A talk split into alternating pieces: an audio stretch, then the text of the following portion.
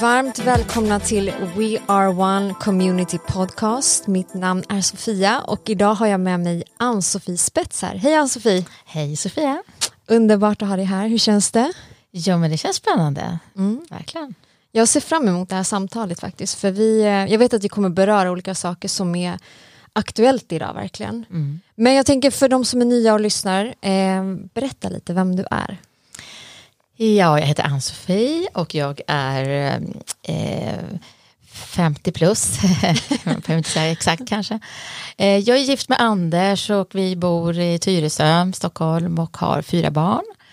Jag eh, har jobbat eh, med socialt arbete i hela mitt liv kan man väl säga.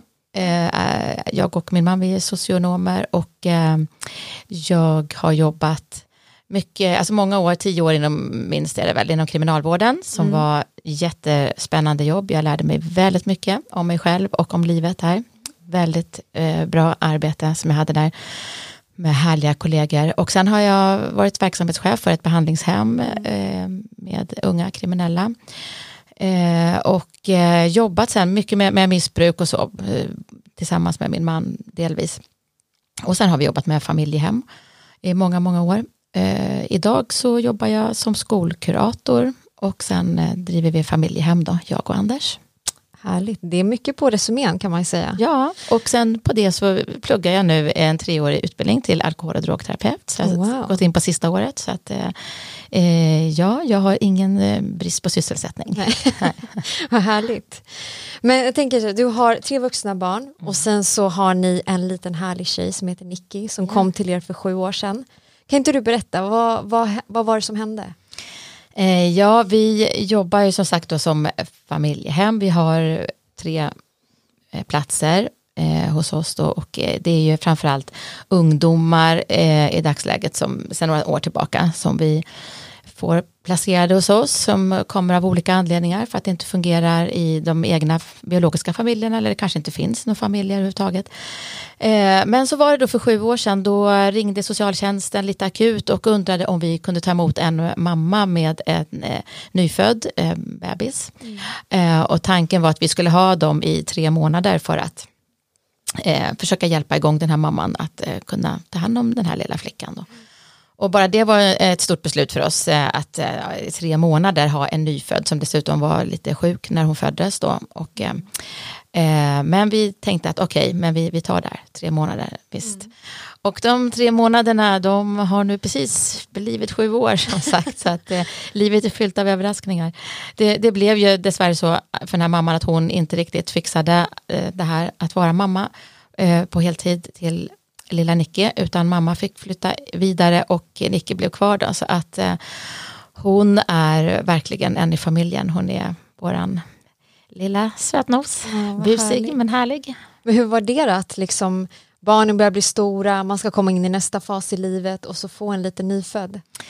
Ja, alltså hade någon frågat oss eh, från början om vi var beredda att ta en nyfödd och ha henne resten av livet, då eh, hade vi direkt sagt nej, för det var ju inte våran plan alls. Vi har ju barnbarn, tre stycken i samma ålder eh, som Nicky då.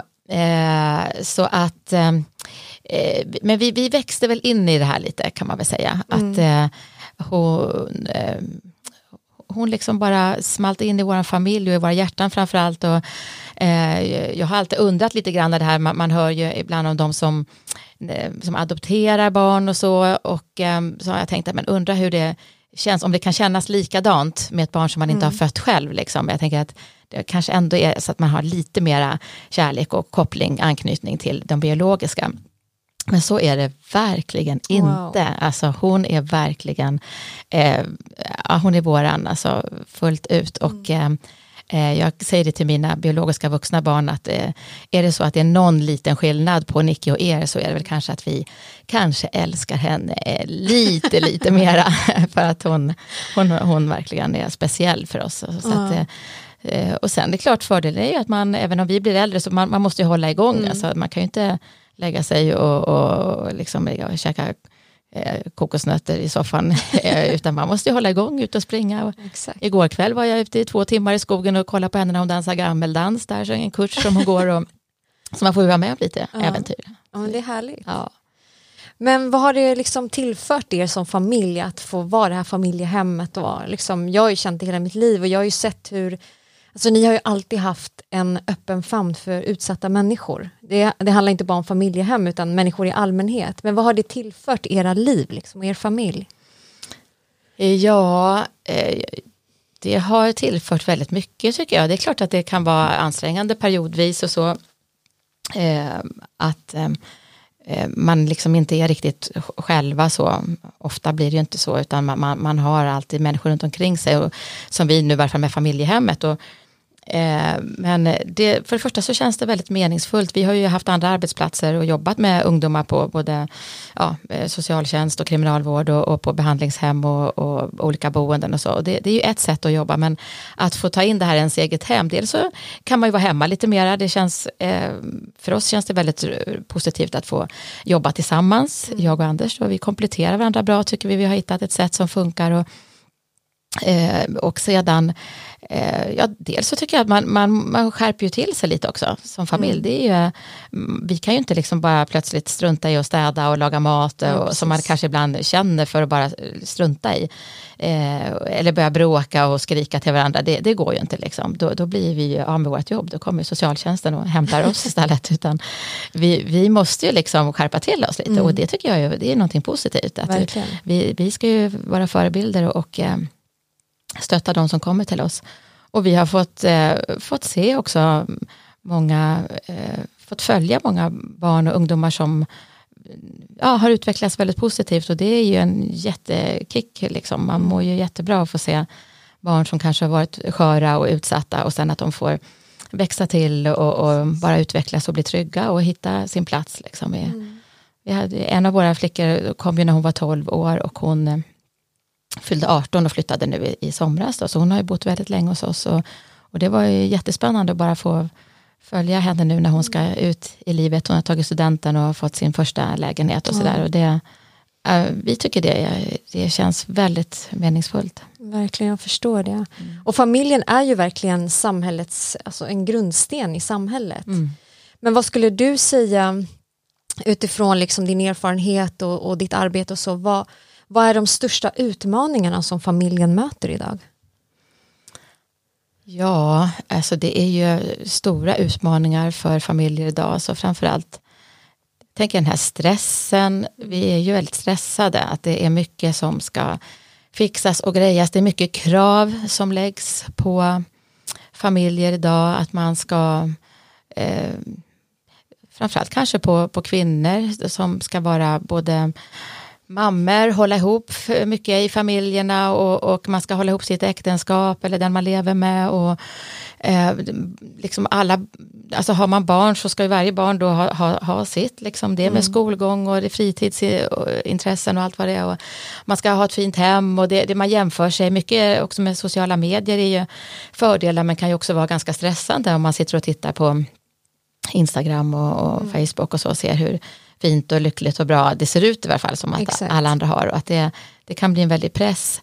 Och nu med, med tanke också på det här med coronatiden och så, många har blivit av med sina arbeten. Mm. Eh, jag jobbar ju som sagt också inom skola och möter ju många familjer som eh, ja, både är, där föräldrar har blivit arbetslösa och det i sin tur kan leda till psykisk ohälsa och andra mm. svårigheter.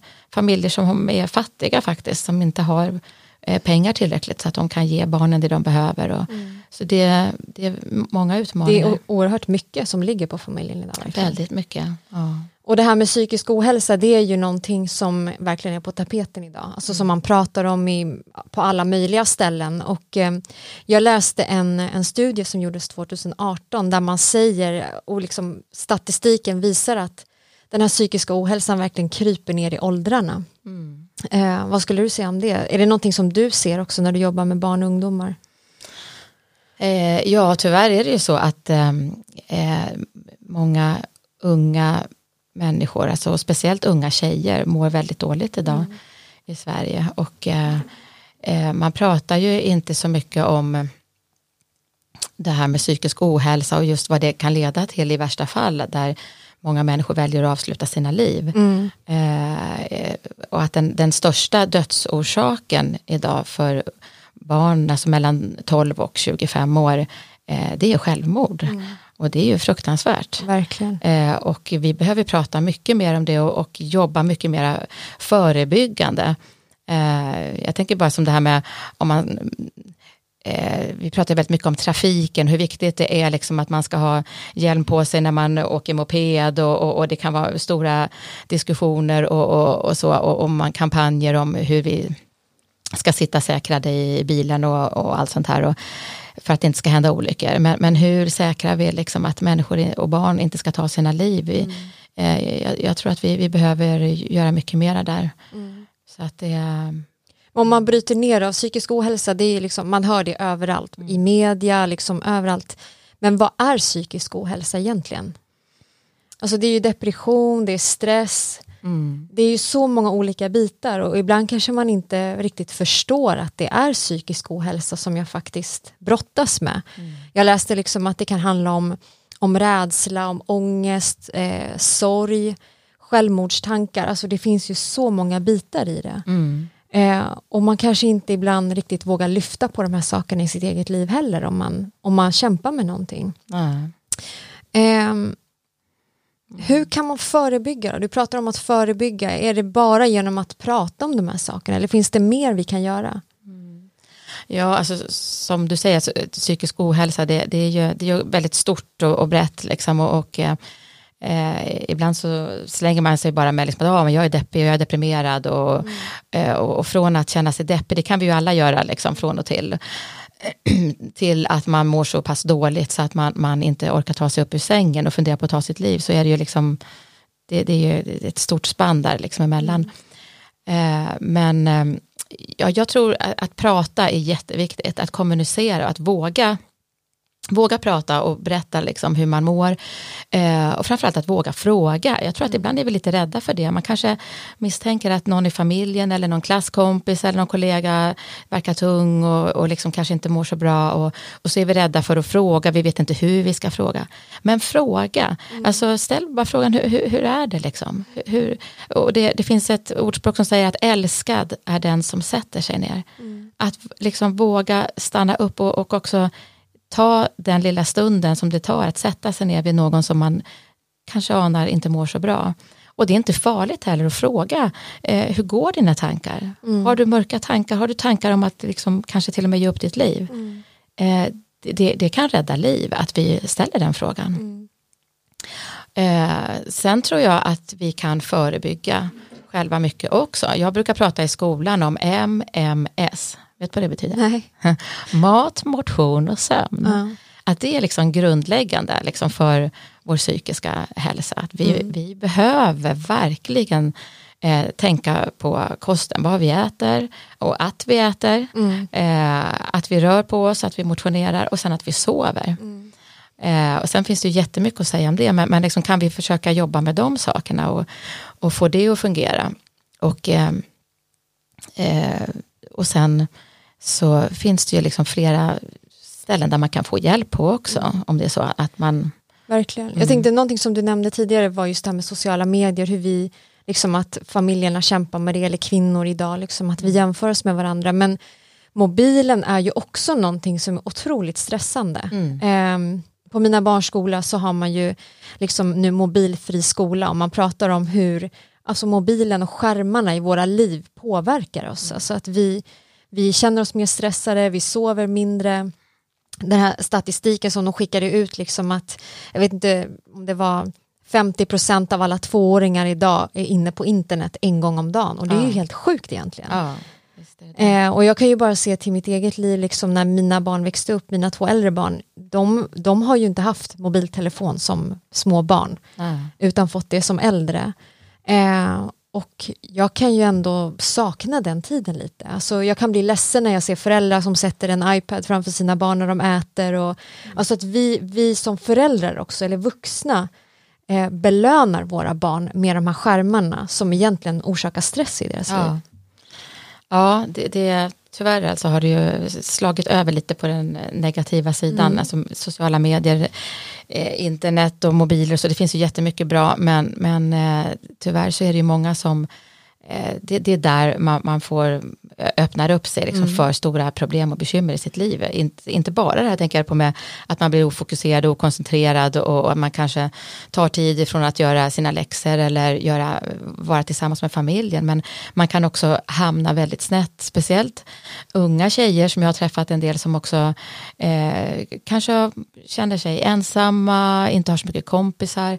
Man, man har sin dator, liksom. det, det är liksom ens vän och man, man har vänner där men alla har inte vänner där utan man letar efter vänner. Och då kan man ju hamna väldigt snett eh, tyvärr också, att man kommer i kontakt med helt felaktiga personer. Mm.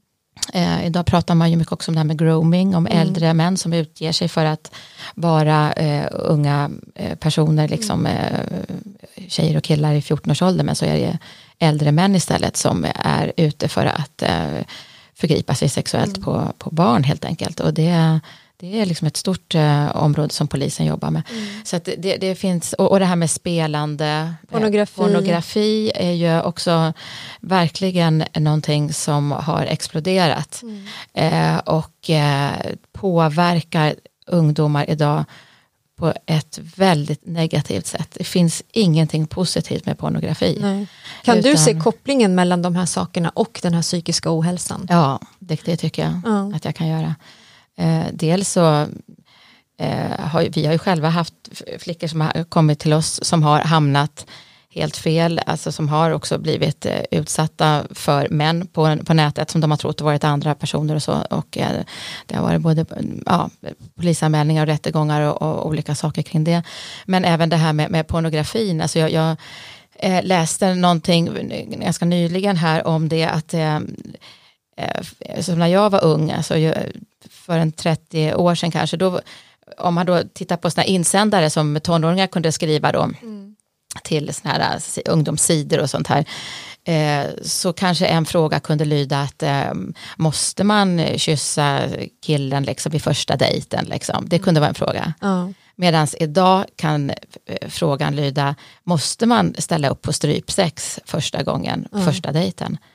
Och det säger Det ganska sjukt. mycket. Det säger ganska mycket. Och hur man också eh, pratar med varandra. I, alltså ungdomar idag som träffar varandra, liksom, man- blir tillsammans och eh, om då den ena partnern har tittat mycket på pornografi så, så blir det ett, det kan påverka väldigt negativt och, och, och, och den andra personen kan fara väldigt illa och tro liksom att men det här är någonting jag måste gå med på, det är så här man ska prata så här hårt och brutalt mot varandra och man har inget att jämföra med. Nej, Och finns det då inte vuxna runt omkring som kan vägleda och tala om att det här är inte, det, det här är inte kärlek, det här Nej. är inte okej, du behöver inte vara med och ställa upp på det här. Eh, då, då kan det ju gå väldigt illa och absolut leda till psykisk ohälsa. Verkligen. Men vad, är, vad skulle du säga är liksom varningstecken? Om jag då är förälder och liksom, hur kan jag se att oj, mitt barn mår dåligt? Vad är tydliga tecken på psykisk ohälsa hos barn och unga idag? Ja, det kan ju se lite olika ut, men, men ett eh, ganska vanligt tecken är nog att man, eh, man ser att det här barnet börjar isolera sig mera, kanske vill dra sig undan och är mycket på sitt rum, kanske sitter mer vid eh, sin dator eller med mobilen. Eh, man kan se att det kan påverka maten till exempel, att man äter sämre eller man plötsligt börjar äta väldigt mycket, att det blir förändringar där. Eh, eh, en del kan ju vara att de försvinner, försvinner ut, att de hamnar i fel sällskap och man vet inte riktigt var de är. Eh, man märker att de får ett helt annat umgänge plötsligt. Eh, att det går åt mera pengar eller försvinner pengar. Alltså det, eh, för många ungdomar idag kan ju också bli indragna i i många olika eh, svåra situationer. Alltså det är ju inte helt ovanligt heller med ungdomar som kanske inte har så mycket pengar och man vill gärna ha den där snygga jackan som alla de andra har i klassen och så eh, kommer man i kontakt med något gäng och som säger att ja, men om du bara gör det här så får du den där jackan och så. Och Det har jag också flera exempel på som eh, eh, unga tjejer och killar har blivit inlurade i kriminella sammanhang också. Och, Man är ett lätt byte liksom. Ja, men precis. Så att eh, man, man ska ju se upp och man märker att det är några förändringar liksom hos sin tonåring. Samtidigt så finns det ju också naturliga saker som händer i tonåringen. Att man, man drar sig kanske undan mera från sina föräldrar och man vill vara lite för sig själv mera. Eh, Men man ska vara observant och det är väl jättebra om man har eh, en, en tonåring som har kompisar att man kanske kan prata med kompisarnas föräldrar också, att man mm. hjälps åt och har lite koll och, och jag brukar säga att alla barn är allas barn. Mm. För det tycker jag är jätteviktigt, att vi ska ha ett gemensamt ansvar för varandras barn. Mm. Och jag kanske har en period då, nej men nu känns det, nu är det helt lugnt med mina barn och jag är inte orolig liksom, så att då, då struntar jag i hur det går mm. för alla andra. Men passa på den perioden, om, om, det, om du har sån tur så att just nu så är det lugnt och, och bra med dina barn, se kan, efter om du kan göra någonting för någon annans barn. Mm. För jag tror på det där också, det står om i Bibeln, lagen om sådd och skörd, att om du, eh, om du sår ut liksom att, av din tid och ditt engagemang och omsorg, så en dag så kanske du behöver det och då kan du få det tillbaka.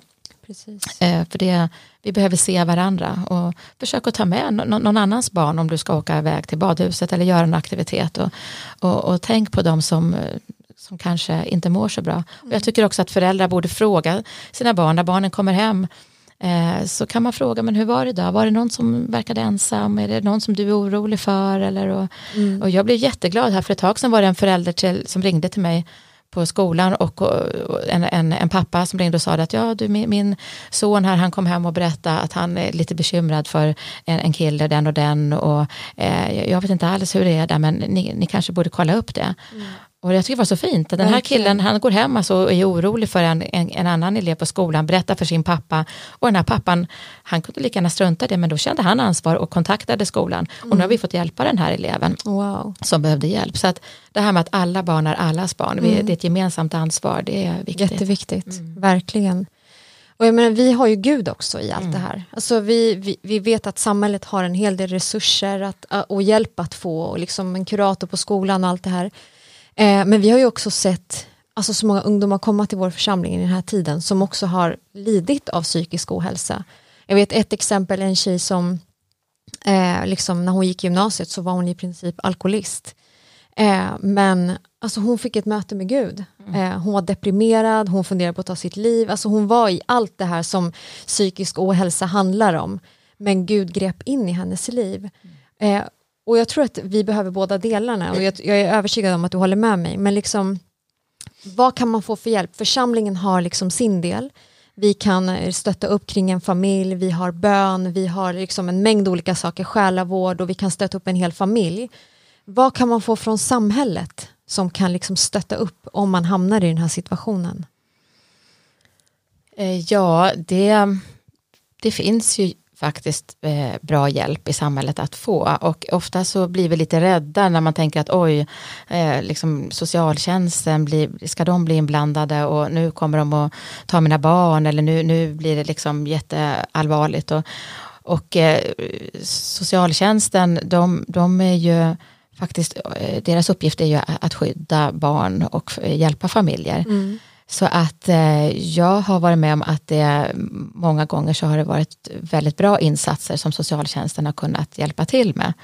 Sen klart finns det alltid undantag överallt men man, man ska inte vara rädd för att kontakta socialtjänsten och, och tala om, jag, på vägen hit nu så höll jag på att jaga socialtjänsten för att en pappa faktiskt ringde till mig och undrade om om han kunde få någon hjälp, han behövde en avlastning. Han, hans flicka, dotter är hemma ensam väldigt mycket för han är ensamstående och mm. jobbar jättemycket på kvällarna och han tycker det känns så jobbigt att hon får vara själv så mycket. Så han ville veta, liksom, finns det någon hjälp, kan socialtjänsten hjälpa mig och kan jag få någon kontaktperson för min dotter? Eller, och, och, och, eh, och jag tycker det var så positivt. Mm, så att nu ska jag försöka få tag på kommunen där och se om, om, vi, om man kan få någon hjälp till den här familjen. Då. Eh, så att eh, ta reda på och, och, jag tycker att man ska vara ute och eh, att man ska liksom bara förebyggande när det gäller eh, ton, för tonåringar är så pressade idag och det är så mycket som vill liksom stjäla från deras liv, liksom, att eh, de ska hamna i, i massa konstigheter. Så att som förälder så tycker jag att det är bra att man, man ska ta reda på vad finns det i min kommun. Om det är så att min eh, dotter eller son skulle hamna i psykisk ohälsa. Vad finns det för hjälp att få då? Mm. Eh, om han skulle hamna med missbruk eller med kriminalitet, ta reda på. Mm. Eller om det är någon, någon, behövs någon utredning, han kanske får någon, någon neuropsykiatrisk diagnos eller någonting. Vad, vad får jag för hjälp då? Vad, vad får mitt barn, kan, vad kan han få för hjälp? Mm. Så man, man, kan gå in på kommunens hemsida och titta. Eh, när det gäller med missbruk och, och sådana saker så är det ju eh, Maria Ungdom, Mini-Maria, eh, som eh, man, man, kan kontakta. Det står, alltså man går in och googlar så mm.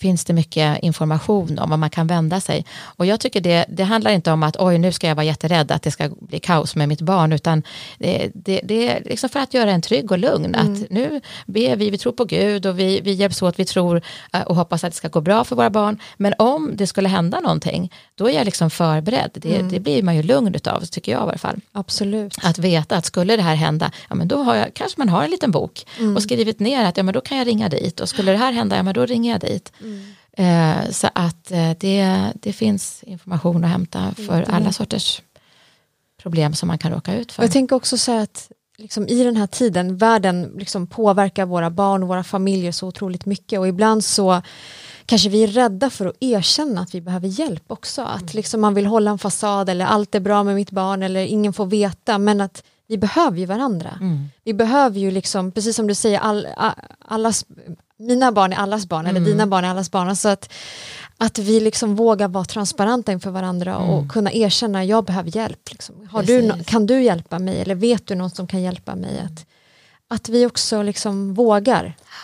Det är ju jätteviktigt för vi, vi eh, jag tror, det är väl ingen som tror att alla människor är lyckliga hela tiden. Vi har så många olika livsområden som ska funka. Alltså jag har mitt arbete, min sysselsättning, jag har liksom min familj, jag har mina barn och föräldrar, jag har eh, liksom det, det ska, fritiden, det, det, ska vara ekonomin, det ska vara boendet, eh, hälsa, psykisk hälsa, fysisk hälsa. Alltså det är så många olika områden. Mm. Och alla områden kan inte vara på topp hela tiden.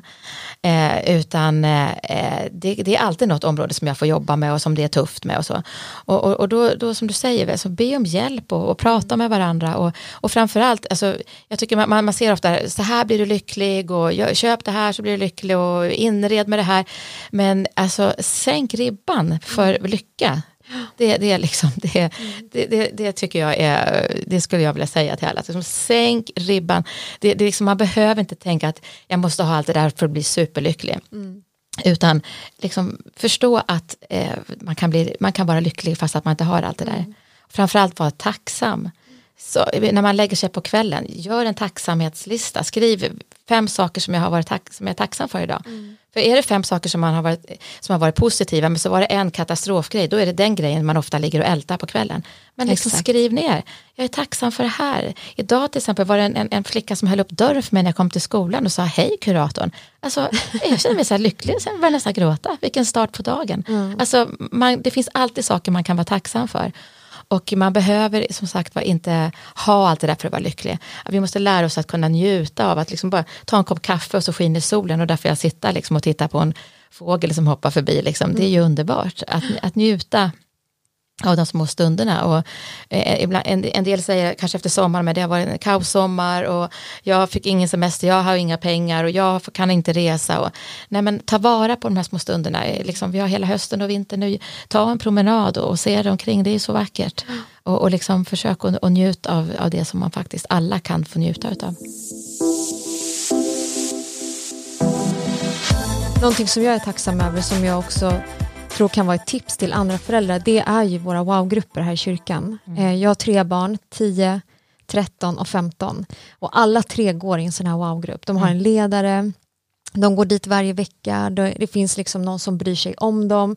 Utöver mig och, och liksom min man så finns det någon annan som har insyn i deras liv. Och vi vet ju att liksom, vi alla varit tonåringar och unga och liksom, vi kanske inte vågar säga allt till våra föräldrar men det finns oftast en annan vuxen eller någon vi ser upp till som man också kan säga till att jag mår dåligt eller jag känner så här och för mig som förälder att ha att, att veta att mina barn har en sån person i sitt liv gör mig otroligt trygg. Mm. Eh, och precis som du säger, liksom, att förebygga, att våga prata. Det har ju varit situationer där där liksom det har hänt saker på sociala medier och den här ledaren har kunnat gripa in eller meddela oss föräldrar för att vi inte har vetat om. Och det har bara känts så otroligt tryggt mm. att ha de här personerna. Så till er föräldrar som lyssnar så det är verkligen ett tips att mm. går inte dina barn, är de från tioårsåldern men inte går i en sån här wow-grupp, ring till oss i församlingen så kan vi hjälpa er att hitta en sån här grupp i närheten där ni bor. Mm, och jag ser det som en investering också, Absolut. att behöva hämta och lämna, det är inte jobbigt för mig om jag vet att mina barn är på en trygg plats. Absolut. Eh, så det är ju faktiskt ett, ett stöd också i den här ja. tiden för våra barn och ungdomar i församlingen. Verkligen. Och, och det, jag brukar säga när jag pratar med ungdomar och så att liksom, vilka är dina livlinor? Ja, vadå livlinor? Jo men alltså alla människor behöver ha minst tre livlinor. Mm. Att liksom, eh, om det händer någonting det kanske inte finns föräldrar, eller så finns det föräldrar men jag, jag kan inte prata med dem. Mm. Ja men vad har du då för livlina? Liksom, ja men man kanske har en, en faster eller kusin, kanske någon kompis mamma, kanske då som du säger också en, en wow-ledare i kyrkan, någon mm. lärare på skolan. Att man har tre personer mm. som man känner att de har jag förtroende för. Skulle liksom det bara hända någon katastrof, då vet jag att de kommer att ta emot mig. Så har man deras nummer i mobilen och så det är också en trygghet i, i den här tiden. Man behöver, alla behöver livlinor, även föräldrar. Jag har livlinor. Mm. Alltså, det, det är jätteviktigt. Mm. Men vad skulle du vilja säga, det kanske sitter någon och lyssnar här idag som eh, brottas med psykisk ohälsa. Det kanske till och med är en förälder, nu har vi pratat mycket om barn och ungdomar, men kanske en vuxen person som brottas med de här sakerna och inte vågat säga till någon. Vad skulle du ge för råd till den personen? Ja, då skulle jag vilja säga det att ge inte upp, för det är inte kört. Det finns alltid en väg ut ur allting. Ingenting är omöjligt. Och är det omöjligt för oss så är det i varje fall inte omöjligt för Gud. Och det bästa du som kan göra som förälder, jag talar till dig som förälder nu, det bästa du kan göra det är att du överlever det här livet. Det är det bästa du kan ge till dina barn. För hur dåligt som du än kanske mår och känner att kanske till och med överväger att jag avslutar det här livet så skulle det verkligen förstöra fullständigt för dina barn och eh, många runt omkring. Det är inget alternativ att, att ta sitt liv utan att du överlever och tar dig igenom eh, även om du inte kommer att, bli världens lyckligaste på jorden men att du ändå tar dig igenom så är det det finaste du kan ge till dina barn. Du kanske inte kan ge dem allt de pekar på och, pengar och, och resor och grejer men du kan ge dem att eh, den lärdomen att vad som än händer så kämpar man och man tar sig igenom. Dina barn när de växer upp så kan de tänka på det att när de kommer i svårigheter att eh, ja, det här ska jag ta mig igenom. Mamma eller pappa mådde också jättedåligt, men de tog sig igenom och det ska vi också göra. Så att det, det är det viktigaste, att vi inte ger upp livet. Och sen eh, så ska man inte behöva leva ett, ett, livet och, och, och må jättedåligt, för det finns hjälp. Det finns hjälp som, som du säger Sofia här i församlingen. Det finns eh, hjälp i samhället och eh, eh, framförallt så, så jag tror ju också på Gud. Att liksom, det är en sån trygghet att bara få lämna över och bara, ibland ger man ju bara upp sitt eget liv för man känner att jag, jag nu har jag provat allt, jag orkar inte mer och så får jag bara lämna över till Gud. Jag kan också rasa ibland och rasa ihop, men jag rasar inte ner i en cementgolv eller i, i något stort hål, utan jag, jag, då rasar jag ihop i, i Guds famn. Mm. Och han bara, liksom får jag bara ligga där och vila en stund och sen bara reser han upp mig igen. Och så det är ju det bästa rådet, att man bara lägger sig i Guds famn och, och börjar att läsa Bibeln. För det är bra meditation och det är bra medicin. Eh, det som jag har börjat med själv nu i den här sommaren, eh, för jag behöver också det här med MMS, mat, motion och sömn och jag vill läsa Bibeln för att det känner jag att det, det hjälper mig. Så då, då, jag har ont om tid så då kombinerar jag nu, jag, jag, går och rör på mig, jag kör min motionsrunda och så har jag i lurarna lovsång eller bibelord och att jag liksom mediterar på Guds ord. Och eh, det hjälper mig, det hjälper min själ och min mm. kropp och jag mår mycket bättre. Så det, det finns hjälp att få. Och, och, känner du att nej, det finns verkligen ingen hjälp, ja, men då får du kontakta mig. Jag lovar, då ska jag hjälpa dig, ge dig tips och råd så att det går bra att höra av dig. Så det är bara att skriva då till info at wowchurch.com om du vill komma i kontakt med Ann-Sofie? Ja, det går bra. Underbart. Ja. Ann-Sofie, tack för att du kom hit idag. Det här var så intressant och tack för allt som du gör för barn och ungdomar i den här tiden. Vi ses nästa vecka. Ja, tack själv.